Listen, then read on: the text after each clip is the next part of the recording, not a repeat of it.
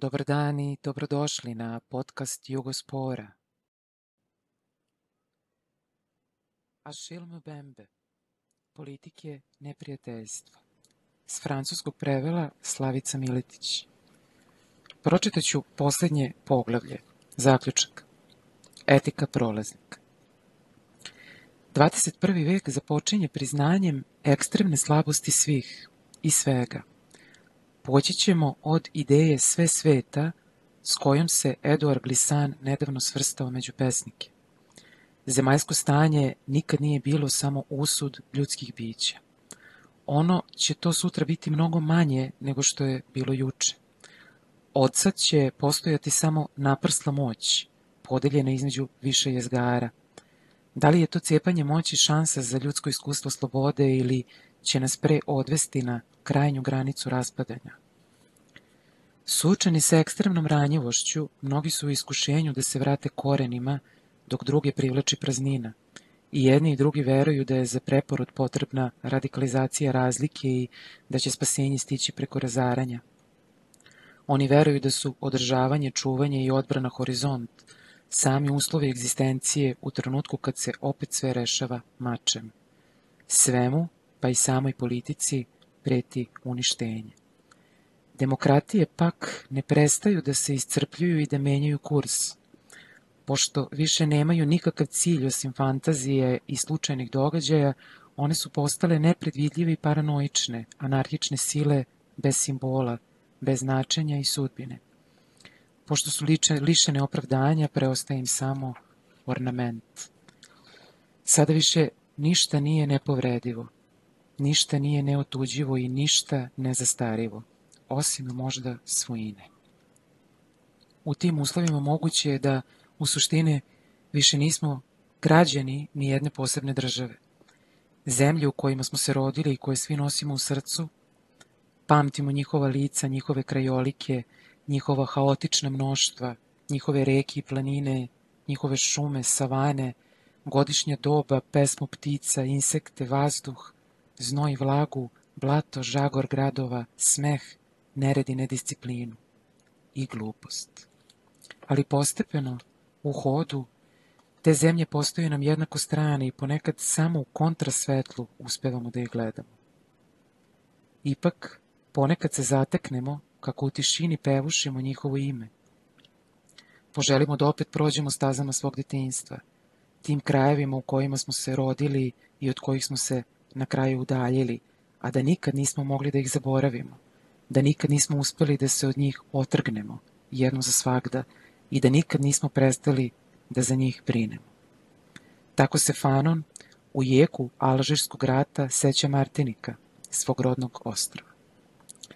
Da li je to obnavljanje sećanja, koje je u isti mah distanciranje, slačenje kože, cijena koju treba platiti da bi se živelo i mislilo slobodno – to jest počeo od izvesnog ogoljavanja, izvesnog distanciranja u položaju onog koji nema šta da izgubi zato što se u izvesnoj meri u početku odrekao posjedovanja bilo čega za sebe ili je već izgubio sve ili bezmalo sve. Ali zašto jedno, jedna tako tesna spona mora na taj način povezivati slobodu, sposobnost mišljenja i odricanje od svakog oblika gubitka, dakle i izvesnu ideju računa i oslobađanja od plaćanja računa. Da li je gubljenje svega ili bezmalo svega, ili bolje distanciranje ili odricanje od svega ili bezmalo svega, uslov da se stekne spokojstvo u ovom svetu i u ovom vremenu buke i nemira, u kom često ono što imamo nije vredno onog što jesmo, a ono što dobijamo ima tek vrlo daleke veze sa onim što gubimo. U ostalom, Distancirati se od svega ili bezmalo svega, odreći se svega ili bezmalo svega, zar to ne znači da smo postali jedno ni otkud i da više se ne odazivamo ni na šta i ni na jedno ime? Pored toga, šta je sloboda ako ne možemo zaista da prisečemo vezu sa slučajnošću rođenja na nekom mestu, vezu mesa i kostiju, dvostruki zakon tla i krvi? Kako je moguće da jedna takva slučajnost na tako neopoziv način označava ko smo, kako nas drugi vide i s kim nas smatraju? Zašto ona tako kategorično određuje na šta imamo pravo, a onda i ostalo, količinu potvrda, dokumenta i opravdanja koju svaki put moramo da prikupimo da bismo nečemu mogli da se nadamo, počev od prava na egzistenciju, prava na postojanje tu gde nas je život na kraju doveo, a onda i prava da se slobodno krećemo. Kretati se kroz svet, postati svestan slučajnosti svog mesta rođenja i tereta arbitrarnosti i ograničenja koje ono sa sobom nosi, prigrliti nepovratni tok koji je vreme života egzistencije, prihvatiti status prolaznika, koji je možda krajnji uslov naše ljudskosti, podloga na kojoj gradimo kulturu, na kojoj su to možda, na kraju su to možda najteža pitanja našeg doba, ona koja nam je Fanon postavio, ostavio u svojoj apoteci, apoteci prolaznika. Nema mnogo reči koje su zasićene tako velikim brojem značenja kao što je to prolaznik, francuski pason. Pre svega u toj reči se krije više drugih, počev od pa. U isti mah negacija, ono što još nije ili još ne postoji ili postoji samo kao odsustvo i ritam, kadenca, to je brzina tokom neke trke ili hoda, prelaženja s mesta na mesto, ono što je kretanje i u kretanju. A tu je i naličje, pa se, prošlo ili prošlost. Ne kao trag onoga što se već dogodilo, već prošlo ili prošlost koja se događa, tako da ga možemo uhvatiti tu, u trenutku izbijanja, u istom onom činu kojim nestaje i nastaje, u trenutku kada se, dok se pomalja kroz prorez, upinje da se rodi za događaj, da postane događaj. Tu je i pason, prolaznik, ta figura onog drugog, drugde, jer prolaznik prolazi samo zato što dolazi s nekog drugog mesta. On je na putu ka drugim podnebljima. On je u prolazu. Što znači da traži da ga primimo, makar privremeno. A tu je i passeur, pa još i pasaž, pa i pasaže. Prolaznik bi dakle bio sve to ujedno.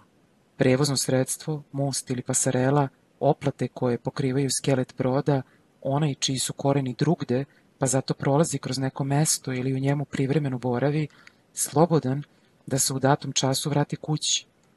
Šta bi se međutim dogodilo kada se ne bi vratio i kada bi avanturistički nastavio put, išao s mesta na mesto, po potrebi se vraćao istim putem, ali uvek podalje od svog rodnog mesta, a da pritom ipak ne može da prođe kao izbeglica ili migrant, a pogotovo ne kao građanin ili starosedelac, čovek s korenima.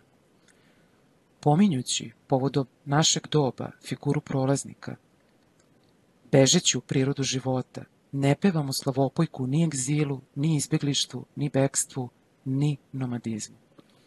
Ne veličamo ni čergarski svet, ni onaj bez korena. U postojećim uslovima takav svet naprosto ne postoji. Naprotiv, pokušavamo, kao što smo pokušavali u cijelom ovom ogledu, da dozovemo figuru čoveka koji se trudi da pređe vrletan put, koji se zaputio tim putem, napustio svoju zemlju, živeo drugde, u stranim zemljama, na mestima na kojima je napravio autentično boravište i na taj način vezao svoju sudbinu sa sudbinom onih koji su ga primili i u njegovom licu prepoznali svoje sobstveno, lice budućeg čovečanstva. Postajati čovek u svetu, To nije ni pitanje rođenja, ni pitanje porekla ili rase.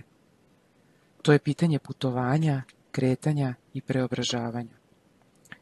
Projekat preobražavanja zahteva od subjekta da svesno pregrli otkinuti deo sobstvenog života, da se obaveže na udaljavanje i približavanja koje su ponekad nemoguće, da dela u među prostorima, ako baš hoće da nazove uobičajenim izrazom one stvari koje obično razdvajamo. Fanon se ušunjao na svako od tih mesta, ne bez izvesne rezerve, distance i čuđenja, kako bi potpuno usvojio nepostojanu i pokretnu kartografiju u kojoj se našao.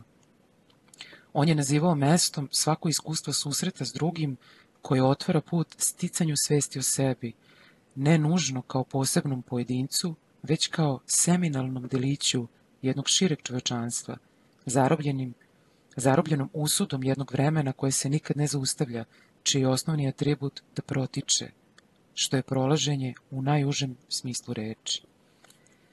ali ne možemo živeti na nekom mestu ako ne dopustimo da ono živi u nama. Živeti na nekom mestu nije međutim isto što i pripadati tom mestu. Rođenje u zemlji porekla je slučajan događaj, ali ne oslobađa subjekt ni jedne odgovornosti. U ostalom, tajna rođenja, kao što znamo, ne kaže ništa o tome. Ona nudi samo fikciju jednog svijeta koji je prošao uprko svim pokušajima da ga privežemo za sve ono što poštujemo. Za običaje, kulturu, tradiciju, rituale, skup maski kojima smo se svi zakitili. U krajnjem slučaju, ne pripadati ni jednom mestu, to je svojstveno čoveku, pošto čovek, sastavljen od drugih živih bića i drugih vrsta, pripada svim mestima. Naučiti da se stalno prelazi s mesta na mesto. To bi, dakle, bio njegov projekat, pošto je to, u svakom slučaju, njegova sudbina. Ali prelaziti s mesta na mesto znači i tkati sa svakim od njih dvostruki odnos solidarnosti i distance. To, dvo, to iskustvo prisustva i odstojanja, solidarnosti i distance, ali nikad ravnodušnosti, nazvaćemo etikom prolaznika. Te etika nam kaže da tek kad se udaljimo s nekog mesta, možemo bolje da ga imenujemo i bolje u njemu živimo. Zar sposobnost da negde privremeno boravimo i da se slobodno krećemo nije uslov sine qua non deljenja sveta s drugima ili pak onoga što je Eduard Glissant nazvao svetski odnos. Na šta bi mogla ličiti ljudska osoba s one strane slučajnosti rođenja, nacionalnosti i državljanstva? Voleli bismo da iscrpno odgovorimo na sva ova pitanja, ali reći ćemo samo da će misao koja dolazi nužno biti okrenuta putovanju, prolaženju, plovidbi i kretanju. To će biti misao o životu koji teče, o životu koji prolazi i koji nastojimo da pretvorimo u događaj. To neće biti misao o preobilju, već o ostatku, to jest o onome što nema cenu i što zato ne sme biti žrtvovano, potrošeno i izgubljeno. Da bi se artikulisala jedna takva misao, treba priznati i to da Evropa, koja je toliko dala svetu i koja je zauzvrat toliko od njega uzela, često silom i lukavstvom, nije više težište sveta. Više nema potrebe da se ide u Evropu po odgovore na pitanja koje ovde postavljamo. Ona više nije apoteka sveta. Ali kad kažemo da ona više nije težište sveta, znači li to da je Evropski arhiv iscrpen? Pored toga, zar je taj arhiv ikad bio išta do proizvod određene istorije? Pošto se istorija Evrope već više vekova stapa s istorijom sveta, a istorija sveta se sa druge strane stapa sa istorijom Evrope, zar odatle ne sledi da taj arhiv ne pripada samo Evropi? Pošto svet više nema jedinstvenu apoteku, pitanje je zapravo želimo li da pobegnemo od odnosa bez želje i da uz opasnost od neprijateljskog društva živimo u svim njegovim snopovima. Pošto polazimo sa mnogih mesta, onda kroz njih treba da prođemo na najodgovorniji mogući način, kao posjednici prava kakvi svi jesmo, ali u potpunom odnosu slobode i, tamo gde je potrebno, distance. U tom procesu koji podrazumeva prevođenje, ali i sukob i nesporazume, neka pitanja će nestati sama od sebe. Onda će se relativno jasno pojaviti zahtevi, ako ne za jednom mogućom univerzalnošću, barem za idejom da je zemlja nešto što nam je zajedničko, što je naše zajedničko stanje. To je jedan od razloga što je gotovo nemoguće izaći neozleđen iz čitanja Franca Fanona. Teško je čitati ga, a ne biti pozvan njegovim glasom, njegovim pismom, njegovim ritmom, njegovim jezikom, njegovim zvučanjima i njegovim vokalnim odjecima, njegovim spazmima, njegovim kontrakcijama i, pre svega, njegovim dahom. U doba zemlje zapravo će nam biti potreban jedan jezik koji stalno kopa, probada i dubi kao svrdlo, koji ume da se pretvori u projektil jedna vrsta apsolutne punoće, volja koja neprestano svrdla stvarnost. Njegova uloga neće biti samo da poništi razne ograničenja, već i da spase život od katastrofe koja ga vreba. Svaki deo tog zemaljskog jezika bit će ukorenjen u paradoksima tela, njegovih tkiva, koža i nerava. Da bi umakli pretnji fiksacije, zatvaranja i davljenja, kao i pretnji raspadanja i sakaćenja, jezik i pismo moraju beskreno da se projektuju ka be, beskraju spoljašnjosti, da se usprave kako bi razlabavili okove koji mogu da uguše pokorenu osobu i telo od mišića, pluća, srca, vrata, jetre i slezine, poniženo telo, sačinjeno od višestrukih rezova i useka, rascepivo telo, podeljeno u borbi protiv samog sebe, sačinjeno od više tela koje se međusobno napadaju u okrilju istog tela. Na jednoj strani telo mržnje, strašan teret, neprirodno telo bede, smrvljene beščašćem, a s druge prvobitno telo koje je drugi oteo i onda izobličio i pretvorio u predmet mržnje, telo koje treba doslovno uskrsnuti činom istinskog postanja. Vrat, vraćeno u život i u tom smislu različito od prezrenog tela kolonizovane egzistencije, to novo telo će biti pozvano da postane član jedne nove zajednice. Razvijajući se po sobstvenom planu, ono će hodati putevima s drugim telima i na taj način ponovo stvoriti svet. Zato se s Fanonom obraćamo tom telu ovom poslednjom molitvom. O, moje telo, uvek me čini čovekom koji postavlja pitanja. Thank you.